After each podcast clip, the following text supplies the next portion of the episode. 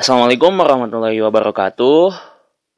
Balik lagi sama saya Irfan di podcast Teman Duduk.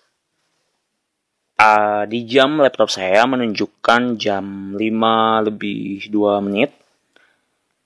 Saya mau rekaman buat episode terbaru podcast saya. Udah beberapa waktu lalu gak ngelanjutin lagi rekaman podcast dan ngerasa penting untuk uh, mancing otot karya saya, otot berpodcast saya dengan rekaman episode baru meskipun kontennya gak terlalu informatif, gak terlalu uh, ngasih sudut pandang baru buat pendengarnya, tapi mudah-mudahan ini jadi trigger buat saya untuk terus uh, memproduksi konten-konten uh, atau episode-episode baru di podcast ini gitu. Karena uh, saya kira saya dulu memutuskan untuk membuat podcast di tahun di akhir 2017 dan penting untuk kemudian konsisten untuk ngebikin podcast ini gitu. Saya lihat di beberapa platform podcast itu banyak podcaster podcast podcaster podcaster baru, terutama di Spotify oh itu emang ada kayak khusus podcast gitu dan banyak banget dan kontennya menarik menarik sekali gitu ya menarik eh, menarik menarik banget. Nah buat teman-teman nih yang pengen dengerin podcast dan yang baru tahu podcast itu ternyata emang seru buat didengerin buat uh, atau kalau misalnya teman-teman tertarik silahkan buat juga podcast uh, pribadinya.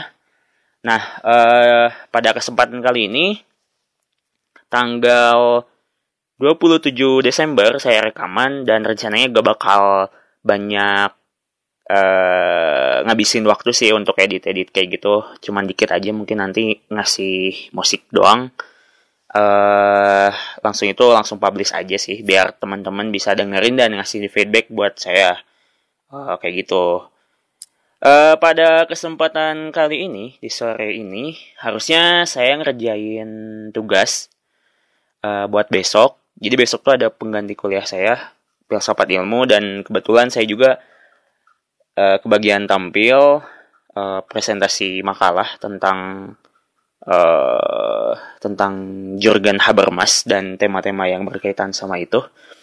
Uh, saya belum ngerjain, tapi udah sedikit.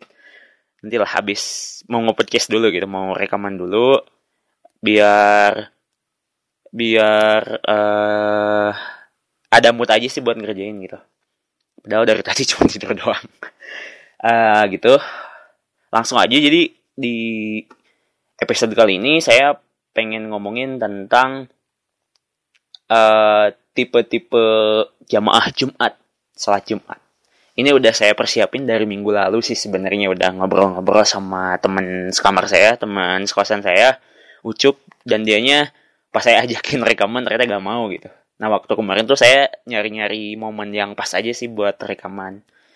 Saya udah nyatet dikit doang sih sebenarnya cuman 4 poin gitu. 4 poin tipe ya nanti mungkin akan berkembang uh, ke mana pembicaranya tentang tipe-tipe jamaah sholat Jumat ini. Dan saya juga di minggu lalu udah ngadain survei kecil-kecilan di Instagram, di, di Instastory meskipun yang jawab cuma empat orang tapi ya itu jadi bahan juga sih buat saya untuk diceritain di episode kali ini tentang eh, fakta-fakta yang ada uh, ketika sholat Jumat gitu. Nah mungkin yang pertama saya pengen bahas dulu, gak bahas sih sebenarnya nggak terlalu uh, informatif juga. Ini cuman uh, pengamatan saya aja sih tentang tipe-tipe jamaah sholat Jumat. Jadi yang pertama itu uh, tipe yang memprioritaskan sholat Jumat. Ciri-cirinya uh, mereka itu biasanya datang lebih awal, sekitar jam 10 atau jam 11. Ada loh yang jam 10 gitu di kampung saya di uh, pelosok di salah satu desa di Kabupaten Tasik. Itu kakek-kakek sih dan saya juga gak ngerti kenapa kakek-kakek itu giroh untuk sholat Jumatnya tinggi banget gitu ya. Ya mungkin uh, bisa dilihat karena memang kalau udah sepuh mah aktivitasnya gak terlalu padat banget kayak anak muda tapi uh, kalau misalnya kita emang niat mah bisa sih sebenarnya ngikutin kakek-kakek itu gitu uh, almarhum kakek saya juga biasanya datang ya setengah sepuluh jam sepuluh eh setengah sepuluh setengah sebelas jam sepuluhan itu udah ada di masjid. Aktivitasnya ya biasanya zikir uh, banyak-banyakin zikir kemudian doa mungkin baca Quran sholawat dan lain-lain gitu. Ya intinya itikaf sih datang jam 10 jam 11 itu uh, bukan buat main-main aja di masjidnya tapi emang diisi dengan ibadah itikaf tadi uh, baca Quran dan lain sebagainya gitu. Nah saya kayaknya selama selama hidup belum pernah deh datang jam 10 jam 11 juga uh, dipikir-pikir sih kayaknya enggak deh gak pernah gitu. Ya meskipun pengen juga sih datang jauh-jauh jauh-jauh hari jauh-jauh jam sebelum uh, sholat Jumat dimulai gitu tapi belum aja sih. Nah biasanya bapak saya tuh uh, kalau saya lagi di rumah dari kecil ini mah. Dari eh dari. Jadi emang bapak tuh kalau misalnya udah jam 11 ayo siap-siap. Padahal saya saya lagi lagi tiduran kayak gitu nonton TV dan lain-lain. Bapak tuh udah mandi udah siap-siap. Dan emang bapak saya tuh khutbah ah khutbah. Uh, khotib juga gitu sekaligus imam. Jadi masa uh, jamaah yang lain udah datang tanghi carincing tapi anaknya malah enak tidur tiduran malah enak nonton FTP dan lain-lain gitu. Nah tapi bapak saya ngingetin jam 10 ya jam jam 11 udah ngingetin tapi sayanya emang bandel gitu ya. Ya jam setengah 12 baru berangkat bahkan mepet-mepet ke adan Jumatnya gitu yaitu waktu dulu. Dan sekarang sesekali masih sih astagfirullah Uh, nah itu sih, tipe yang pertama adalah tipe yang memprioritaskan sholat Jumat. Kamu masuk ke tipe ini? Atau tipe yang keempat? Oke, okay, uh, eh, selanjutnya tipe yang biasa aja. Nah, tipe yang kedua ini biasanya datang beberapa menit sebelum Jumatan. Mereka keburu sholat tahiyatul masjid, keburu sholat Qobla Jumat uh, dan beberapa aktivitas ibadah ringan lain gitu. Uh, tapi ya gak se gak secarincing. Carincing tuh gak serajin lah. Gak serajin yang tipe pertama gitu. Ya mungkin kalau dalam puasa mas saya pinjem analoginya aja sih kalau kalau dalam puasa tuh kan ada tiga tingkatan ya. Ada puasa am puasa orang-orang awam puasa orang-orang yang ya biasa aja. Uh, puasa karena orang lain puasa dia ikutan puasa gak terlalu husu-husu banget gitu puasanya. Kemudian yang kedua puasanya khos. Nah ini puasa puasa yang mungkin setingkat lebih bagus lah dari yang am itu yang biasa aja. Jadi udah udah mempertimbangkan, udah memaknai makna-makna di balik puasa itu. Nah, yang ketiga yang paling bagus adalah puasa hawasil hawas. Jadi yang benar-benar khusus mungkin ini puasanya para wali, para nabi. Jadi puasanya bukan sekedar menahan diri dari lapar dan haus, tapi puasa yang menahan juga anggota tubuhnya dari melakukan maksiat. Matanya berpuasa dari hal-hal yang Allah tidak suka, kemudian hatinya juga senantiasa berzikir dan lain-lain gitu. Nah, uh, saya meminjam analogi ini untuk uh, dimasukkan, diaplikasikan ke tipe-tipe orang-orang atau jamaah sholat Jumat gitu. Jadi tipe yang pertama itu ya mungkin tipe yang hoasil hoas lah. Sementara yang tipe eh gimana ya? Ya tipe tipe yang host aja lah, yang hoasil hoas saya juga gak tahu kayak gimana. Yang biasa aja ini tipe yang am. Tipe yang am. Jadi tipe tipikal yang umum aja sih. Jadi mereka memprioritaskan sholat jumat tapi datang ya uh, gak terlalu rajin-rajin amat sih. Datang asalkan bisa salat sunat kemudian tadi zik, eh, zikir dan lain-lain tapi yang ringan-ringan aja. Beberapa beberapa menit sebelum sholat yaitu uh, masuk ke kategori yang ini gitu. Kemudian tipe yang selanjutnya adalah tipe yang datang di tengah-tengah khutbah. Jadi khutbah udah mulai, hati udah naik mimbar, kemudian uh, ya si jamaah tipe ini tuh datang. Ya santai-santai aja sih. Mungkin ada juga yang saya gak tahu sih ada ada ada beberapa hal juga. Ada yang memang disengaja datang telat atau ada yang macet di jalannya atau ada yang ada urusan ada bimbingan skripsi sama dosen. Di mana ya kalau misalnya kayak gini dua-duanya bakal telat sih. Kalau mepet-mepet ke jumatan. Si mahasiswa yang bersangkutan telat dosennya apalagi gitu. Ya ini berarti antisipasinya uh, harus melihat uh, waktu Jumat itu jangan dimepet-mepetin gitu. Jadi kegiatan-kegiatan ketika hari Jumat kalau bisa uh, rundownnya memang memperhatikan uh, sholat, waktu sholat Jumat gitu. Jadi benar-benar dikasih space untuk jamaahnya terutama ya yang laki-laki untuk uh, persiapan sholat Jumat. Jangan acara tuh beres jam 2, jam setengah 12 itu kan uh, untuk berjalan ke masjid kalau di kampus ya berjalan di masjid atau kalau yang sengaja setengah 12 dari kampus malah uh, pulang jumatan di masjid uh, yang ditemui di jalan gitu ya di pinggir-pinggir jalan ya itu otomatis bakal telat lah uh, jadi penting sih kayaknya buat buat kita uh, cowok-cowok untuk benar-benar ya benar-benar mempersiapkan sholat Jumat gitu. Jangan sampai sholat Jumat ini dijadikan tidak diprioritaskan gitu kan. Cowok itu oh, kewajiban lah sholat Jumat buat cowok gitu. Nah, tipe yang datang di tengah-tengah khutbah ini uh, ya yang saya saya amati ya. Biasanya sholat dulu, sholat sholat berakaat meskipun emang uh, khotib lagi khutbah gitu kemudian duduk dan lain-lain gitu.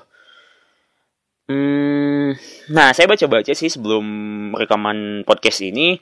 Jadi gimana sih hukumnya orang atau jemaah yang datang ketika khotib lagi khutbah?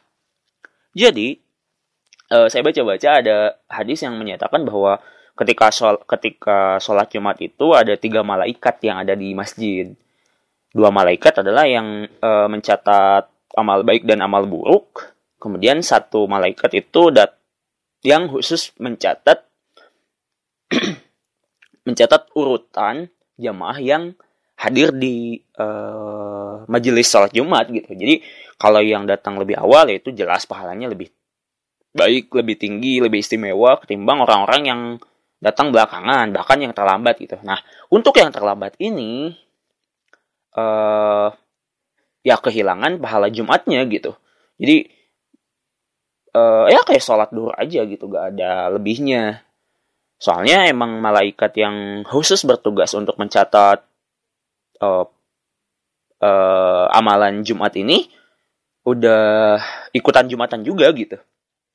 Meskipun emang uh, malaikat yang uh, malaikat terkait batin itu tetap nyatet amal baik dan amal buruk ya maksudnya hadir di uh, di sholat Jumatnya, kemudian dengerin khutbah, sholat dan lain-lain itu uh, masih tetap kecatat. Tapi gak ada lebihnya gitu. Jadi ya mungkin dapat lelahnya doang.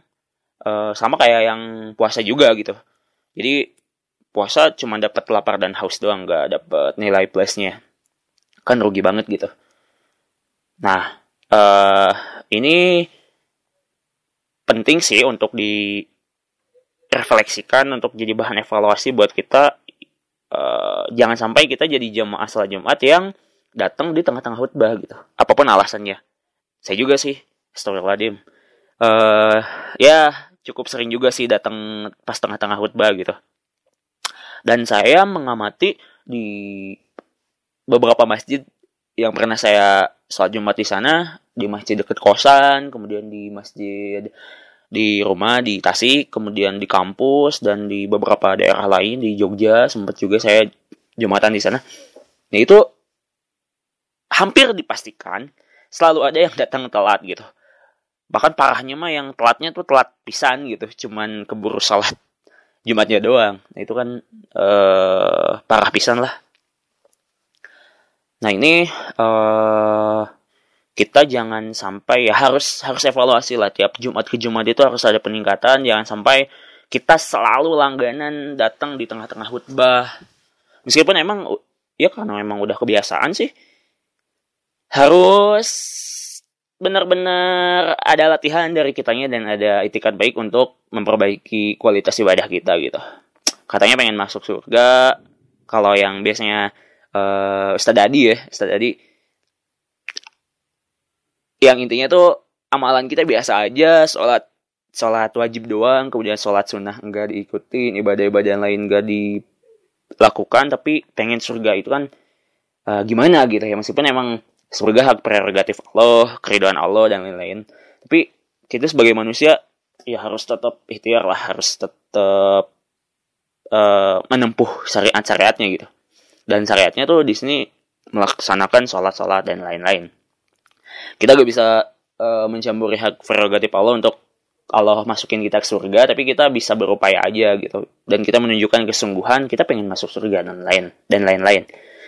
Uh, itu dan uh, tipikal atau ciri yang tipe yang ketiga ini, tipe yang datang di tengah-tengah khutbah ini biasanya tadi sholat, sholat sunat biasa sih kayak yang lain-lain. Tapi gak sempat zikir, soalnya kan uh, udah masuk ke sholat Jumat juga dan ya salam-salaman kanan kiri dan lain-lain gitu. Padahal uh, ya menurut saya sih kenapa sih harus salam-salaman gitu? Soalnya ngeganggu jamaah yang lain gitu yang lain lagi dengerin khutbah lagi dengerin ya lagi husu-husunya gitu. Uh, tapi ini malah diajakin salaman dan lain-lain. Di hmm, ya langsung aja sih fokus aja dengerin khutbah kalau bisa gitu. Kemudian tipe keempat dan ini tipe yang terakhir yang saya catat adalah tipe yang datang pas lagi doa di khutbah kedua gitu jadi bukan bukan jeda antara uh, khutbah pertama dan kedua, tapi ini benar-benar pas lagi doa, pas lagi amin, bla bla bla. Nah, tinggal sholat aja, mereka baru datang gitu. Nah ini kan padahal uh, rangkaian sholat Jumat itu dua khutbah di awal adalah pengganti dua rakaat sholat sholat gitu.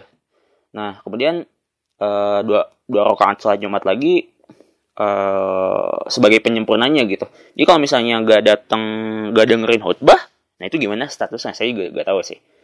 Tapi kita niat gak sih gitu sebagai seorang muslim untuk uh, melaksanakan perintah-perintah Allah gitu. Dan jelas ini sholat Jumat bagi cowok tuh wajib gitu. Kalau misalnya emang gak lagi safar, gak lagi bepergian ya wajib gitu. Nah ini saya juga gak tahu sih uh, faktornya kenapa uh, jamaah-jamaah itu atau orang-orang Islam itu yang laki-laki kenapa sih nggak memprioritaskan sholat Jumat gitu? Apakah emang nggak tahu ilmunya? Atau memang dasarnya lalai aja? Males? Uh, dan banyak faktor lain? Atau emang misalnya ya saya mah Islam cuma Islam di KTP doang gitu. Ibadah mah kalau lagi butuh ibadah ibadah kalau lagi purun ibadah ibadah kalau lagi mau ibadah ibadah tapi kalau enggak juga nggak apa-apa gitu. Yang penting KTP saya Islam kayak gitu. Nah jangan sampai kita tergolong orang-orang yang kayak gitu sih. Apalagi yang udah akil balik ya udah udah balik itu kan dosa ditanggung sama kita sendiri gitu. Nggak sama orang tua lagi beda beda uh, kalau ceritanya kita nggak atau belum balik gitu itu kan masih ditanggung sama orang tua. Sementara kan e, aturan main dalam Islam ini sendiri setiap amal baik akan dicatat, setiap amal buruk akan dicatat meskipun sebesar biji zarah tuh bakal bakal lipat tanggung jawabkan kelak gitu. Nah ini mungkin hmm, orang-orang lupa nggak uh, nggak inget sama ajaran-ajaran basic kayak gini dalam dalam Islam itu. Saya nggak tahu juga. Nah saya sih ngingetin aja, hayu sama-sama. Saya juga ya belum sempurna sih yang ngomongin podcast yang ngomongin ini juga belum sempurna tapi sama-sama saling mengingatkan untuk senantiasa dari ibadah ke ibadah yang ke ibadah yang lain tuh kita ada peningkatan, ada keseriusan.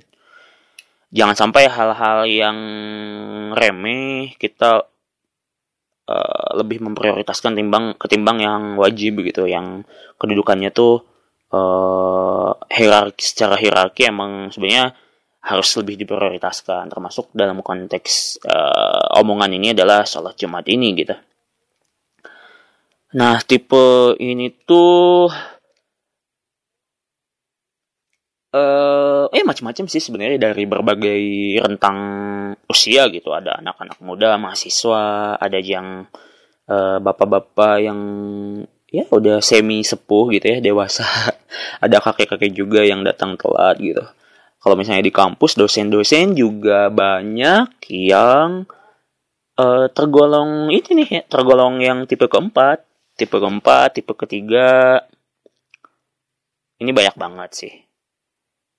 Nah, saya gak tahu hmm, jangan sampai kita tergolong dan membiasakan diri ada di tipe yang ketiga dan keempat ini. Gitu sih. Itu mungkin empat tipe jamaah sholat Jumat yang saya temukan, yang saya riset lah gitu. Riset cuma observasi doang sih sebenarnya gitu. Dan ini emang udah saya pikirin untuk ditulisin sebenarnya di jurnal harian, tapi males wae malah buat uh, jurnal dengan tip dengan tema yang lain. Dan akhirnya saya punya podcast sendiri, ya udah uh, obrolin aja di podcast. Uh, ini ngomongin empat tipe sholat dari jam sholat Jumat juga udah ngabisin waktu 21 menit. Lumayan, lumayan. Nah, selain saya pengen ngomongin tipe-tipe jamaah sholat Jumat, apa ya? Mungkin sebenarnya masih banyak sih yang bisa diobrolin dari tipe uh, yang tipe-tipe uh, jamaah sholat Jumat ini. Apa ya? Hmm, tapi gak lupa lupa lupa. Saya beranjak aja sih ke ke obrolan selanjutnya yaitu masih tentang sholat Jumat. Ini fakta-fakta aja sih selama sholat Jumat berlangsung. Nah ini saya pengen uh, uh, pengen cerita lah, pengen cerita, pengen sharing tentang tipe-tipe sholat Jumat ketika khutbah lagi berlangsung. Nah ini saya gak, gak nulisin sih mungkin yang kepikiran aja di kepala saya jadi ada yang pertama tuh ada tipikal jamaah yang khusyuk dengerin salat dengerin khutbah. Nah ini biasanya di sap-sap awal, di sap-sap depan, bapak-bapak yang pakai sorban, pakai peci. Ya secara tampilan niat banget lah buat sholat Jumat gitu. Tapi walau alam hatinya masih gak tahu juga. Nah ini biasanya khusyuk dengerin uh, khotib lagi khutbah.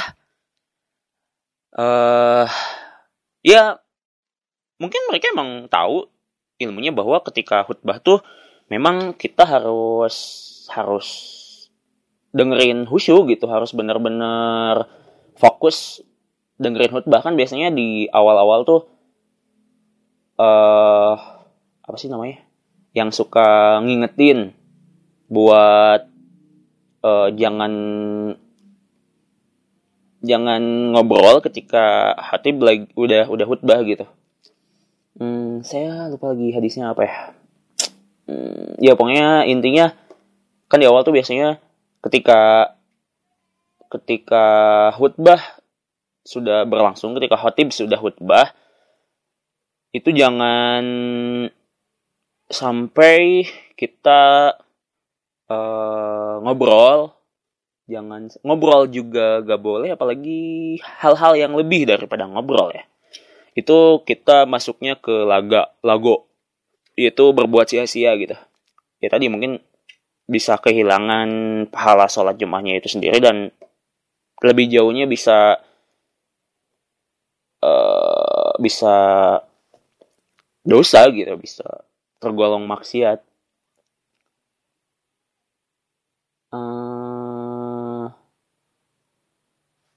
apa ya saya lagi nyari hadis sih sebenarnya. Tadi udah di udah disiapin tapi malah lupa di tab yang mana. Ya pokoknya intinya eh gitu sih. Jadi yang pertama itu ada jamaah yang khusyuk dengerin uh, khutbah dari khotib.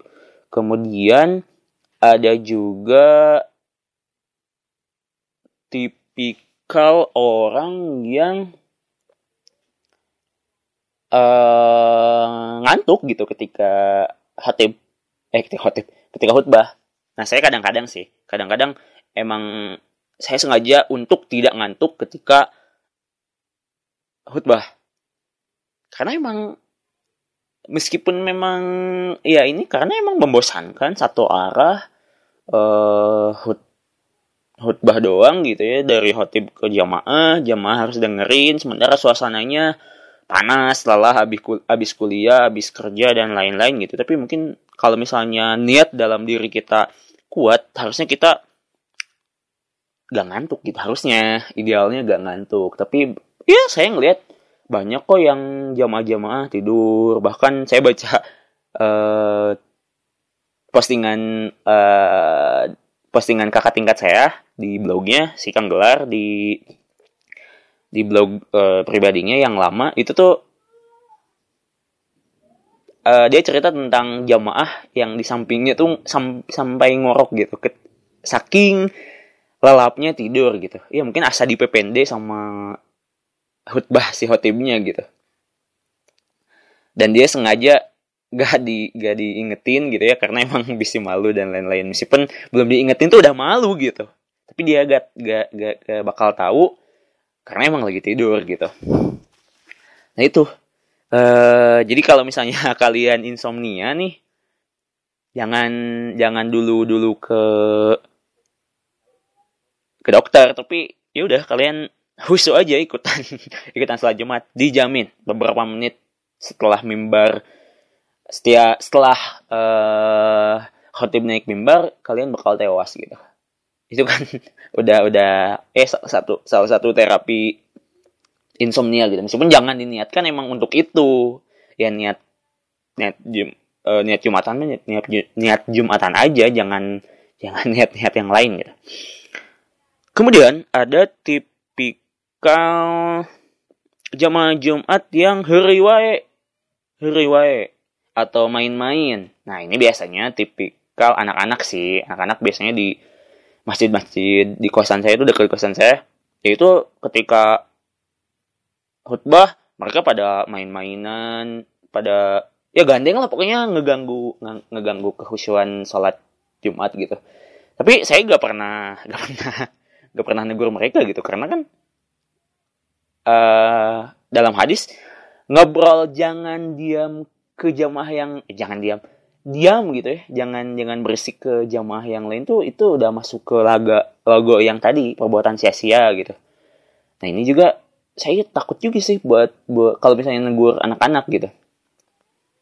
Takut tergolong yang ini. Tapi kalau gak ditegur juga ngeganggu juga. Nah ini biasanya jamaah-jamaah lain kalau ngerasa terganggu biasanya ngingetin juga. Nah itu saya gak tahu hukumnya kayak gimana gitu. Apakah untuk beberapa hal tertentu karena emang ini nimbulin madarat untuk jamaah yang lain e, nimbulin madarat buat banyak jamaah apakah misalnya ditoleransi atau enggak saya gak tahu. Gak tahu juga sih dan belum pernah nanyain ke dosen fikih gitu e, soal soal soal yang kayak gini kasuistik lah.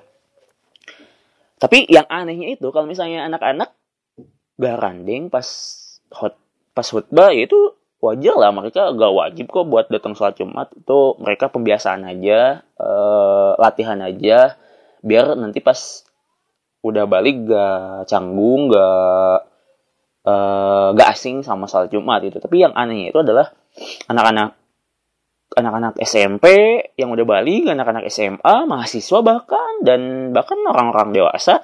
Nah itu tuh enggak enggak sih kalau kalau lelumpatan kayak gitu mah lari-larian main-main games pakai tangan siapa sih? Eh uh, kayak gagak bukan gagak kayak ngadu hayam gitu ya. Ayam ayam ayaman kayak gitu enggak gak, gak sampai kayak gitu tapi ya ngobrol aja sih sam sampai uh, ketawa-ketawa kayak gitu. Nah itu yang yang apa bedanya gitu? Jamaah yang kayak gitu sama anak-anak. Harusnya masa sih gak ada gak ada waktu lain selain ketika sholat Jumat buat ngobrol gitu? Atau tahan dulu jangan jangan ngobrol lah gitu ketika khutbah mah peperihan gitu ya. Ketika khutbah mah janganlah jangan jangan tahan dulu tahan dulu ngobrol. Kalau puasa dulu dijahit dulu eh uh, mulutnya buat ngobrol gitu fokus aja ke khutbahnya. Nah kemudian hmm, ada juga nih tipe-tipe jamaah yang lagi sholat eh lagi lagi khutbah tuh mainin HP mainin HP main ya ngecek ngecek ngecek ngecek WhatsApp grup WhatsApp uh, pesan yang masuk terus ada juga yang main game ini bukan anak-anak loh ya. Jamaah-jamaah yang udah Bali kayak gitu. Kemudian ada juga yang ngecek sosmed buka DM Instagram balas-balasin lihat komentar baca artikel ketika khutbah. Uh, ya pokoknya mainin smartphone lah mainin gadget. Nah itu tipikal uh, jamaah-jamaah ketika sholat eh ketika sholat ketika khutbah lagi berlangsung. Ya macam-macam sih. Ada yang benar-benar khusyuk ada yang nggak peduli sama khutbahnya sama isi khutbahnya. Saya yakin nih kalau misalnya orang yang yang yang bener yang gak dengerin uh, khutbahnya kalau ditanya mereka juga gak tahu hut, khutbah isi khutbah itu apa aja gitu. Gak tahu. Ya minimal poinnya lah poin-poin utamanya itu apa pasti saya yakin mereka gak bakal ingat gitu karena emang fokus atau khusus sama sama hal-hal lain main game itu uh, kemudian ngobrol dan perbuatan-perbuatan yang melalaikan uh, ibadah sholat Jumat ini dan yang jelas uh, dalam hadisnya udah jelas sih. Pokoknya jangan ngobrol ketika hati lagi khutbah. Itu tuh bisa lagu tuh ya, bisa termasuk perbuatan yang sia-sia dan lebih jauhnya mungkin bisa masuk ke perbuatan maksiat. Apalagi yang lebih dari ngobrol itu gitu. Bahkan dalam salah satu hadis tuh main-mainin kerikil atau mungkin kalau, kalau misalnya dikontekstualisasikan sekarang tuh uh, zikir pakai tasbih gitu ya nah itu gak boleh kemudian uh, apa ya ngebagi ngebagiin. Uh, bahasa Sundanya tuh mapaikan kenceleng atau sorolok gitu ya kotak amal. Ketika lagi sholat Jumat tuh saya baca di beberapa artikel itu yang lebih ekstrimnya lagi ya emang emang gak boleh sih. Ya makro itu tergolong perbuatan yang sia-sia mengganggu keusyuan uh, sholat eh ngeganggu kehusuan khutbahnya sholat jumatnya secara keseluruhan nah itu uh, dimakruhkan gitu. Jadi perbuatan yang sebaiknya dihindari. Tapi ada juga pemahaman lain atau pembahasan di artikel lain tuh lebih tegasnya ya ya jangan pokoknya jangan jangan jangan bagiin kotak infak ketika lagi khutbah. Harusnya ada alternatif alternatif lain misalnya sebelum khutbah dimulai dibagiinnya ya konsekuensinya kita harus datang tepat waktu bahkan sebelum waktunya atau pasca sholat Jumat beres dan lain-lain gitu jangan di uh, diestapetin ketika sholat Jumatnya udah mulai gitu. Karena itu bisa berpotensi uh, lagu perbuatan sia-sia. Hmm, kemudian ya itu sih fakta-fakta tentang tipe-tipe jamaah ketika khutbah lagi berlangsung. Kemudian saya sempat juga yang tadi saya obrolin di awal sempat riset eh sempat uh, nanya-nanya di story gitu ya tentang fakta-fakta sholat Jumat. Saya saya gak uh, gak nge save uh, itunya sih apa uh, storynya. Tapi saya cukup ingat lah. Jadi yang pertama itu saya kan nanya fakta-fakta apa aja yang ada pas sholat Jumat. Tapi adik kelas saya tuh malah nanya balik gitu jadi kenapa sih ketika azan kedua udah dikumandangkan itu cowok-cowok masih pada di luar masjid gitu ada yang lagi makan lah. Nih saya di di kampus saya ya di di salah satu kampus di Ledeng. Uh, itu tuh deket Ledeng gitu ya deket terminal Ledeng. Jalan Setiabudi. Kalian pasti tahu. Itu tuh di kantin di kantin deket pasca pasca sarjana tuh cowok-cowok pas udah ada tuh malah pada pesen makan gitu ini kenapa sih gak gak sejauh-jauh uh, waktu sebelum sholat dimulai itu udah makan gitu ya? Udah jang, jangan lapar jangan sampai lapar. Jadi emang udah siap buat sholat jumat atau ditahan lah nyampe nanti sholat uh, abis sholat jumat beres gitu. Bisa makan. Ini malah pada makan malah pada, pada ngerjain tugas diskusi ngerokok dan lain-lain main musik. Ini fenomena yang uh, yang aneh aja sih uh, di mana cowok-cowok yang wajib untuk sholat Jumat malah gak memprioritaskan gitu. Nah ini yang pertama. Kemudian ini fakta juga sih. Di Indonesia gak tau kalau di luar uh, di luar negeri kayak gimana sholat Jumatnya. Apakah rapi, tertib, gak ada yang terlambat dan lain-lain gitu. Kemudian uh, yang saya ingat sih tiga ya. Yang kedua tuh di di luar sana di Hongaria atau mana ya? Uh, teman saya Utami anak ITENAS dia kan lagi lagi kuliah di sana program apa lah gitu ya di luar negeri gak, uh, selama satu semester atau satu tahun dia tuh bilang kalau di sana tuh uh, cewek-cewek pada ikutan sholat Jumat kemudian pasca sholat Jumatnya tuh abis abis sholat Jumatnya makan bareng gitu. Karena memang uh, ya komunitas Islamnya solid kalau di sana gitu. Kalau misalnya diterapin di Indonesia gak tahu bakal bisa bakal efektif atau enggak gitu. Kemudian yang ketiga ini dari tem dari adik kelas saya di pondok uh, Agi. Kalau si Agi tuh lebih nyorotin ke sendal jepit gitu. Jadi sendal jepit pas sholat Jumat tuh kalau udah beres sholat Jumat pada hilang gitu. Ketukar atau atau hilang dan lain-lain. Karena emang ya identik lah. Sandal jepit warna sandal swallow warna biru warna hijau itu kan uh, rentan buat ketukar. Karena emang gak ada gak ada ciri gitu. Bahkan ada ciri juga ada tanda juga tetap ketukar gitu tetap hilang.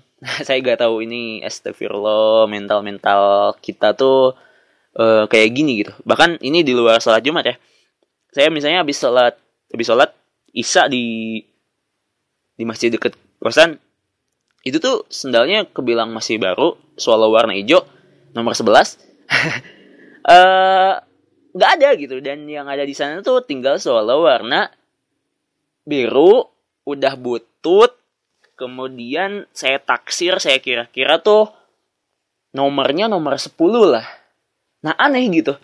Jelas banget perbedaan antara sendal warna hijau sama sendal warna biru gitu. Tapi sendal saya malah hilang. Itu kan nggak tahu apakah niat niat bawa sholat eh sholat. Niat bawa sendal yang bagus atau memang nggak tahu gitu. Dan sadar-sadar pas udah di rumah pas udah di kosan. Saya juga nggak tahu ini PR banget buat kita selaku umat Islam. Uh, ya ini masuk ke bab uh, akhlak sih. Ya jangan sampai kita mengambil sesuatu yang bukan hak kita gitu. Karena lebih jauhnya lagi ini tuh uh, bisa jadi benih-benih korupsi gitu. Lebih jauhnya lagi kita bakal terbiasa untuk ngambil hak-hak orang lain secara uh, secara luas dan dengan jumlah yang lebih gede lagi gitu. Hmm, nah itu aja sih. Apa lagi ya? Uh, udah sih kayaknya mah itu itu aja informasi-informasi hasil riset kecil-kecilan saya tentang fakta-fakta sholat Jumat, kemudian tipe-tipe jamaah sholat Jumat, tipe-tipe hmm, jamaah yang lagi dengerin lagi apa sih pas khutbah lagi berlangsung kayak gitu. Nanti teman-teman juga bisa share ke saya kalau udah dengerin episode kali ini.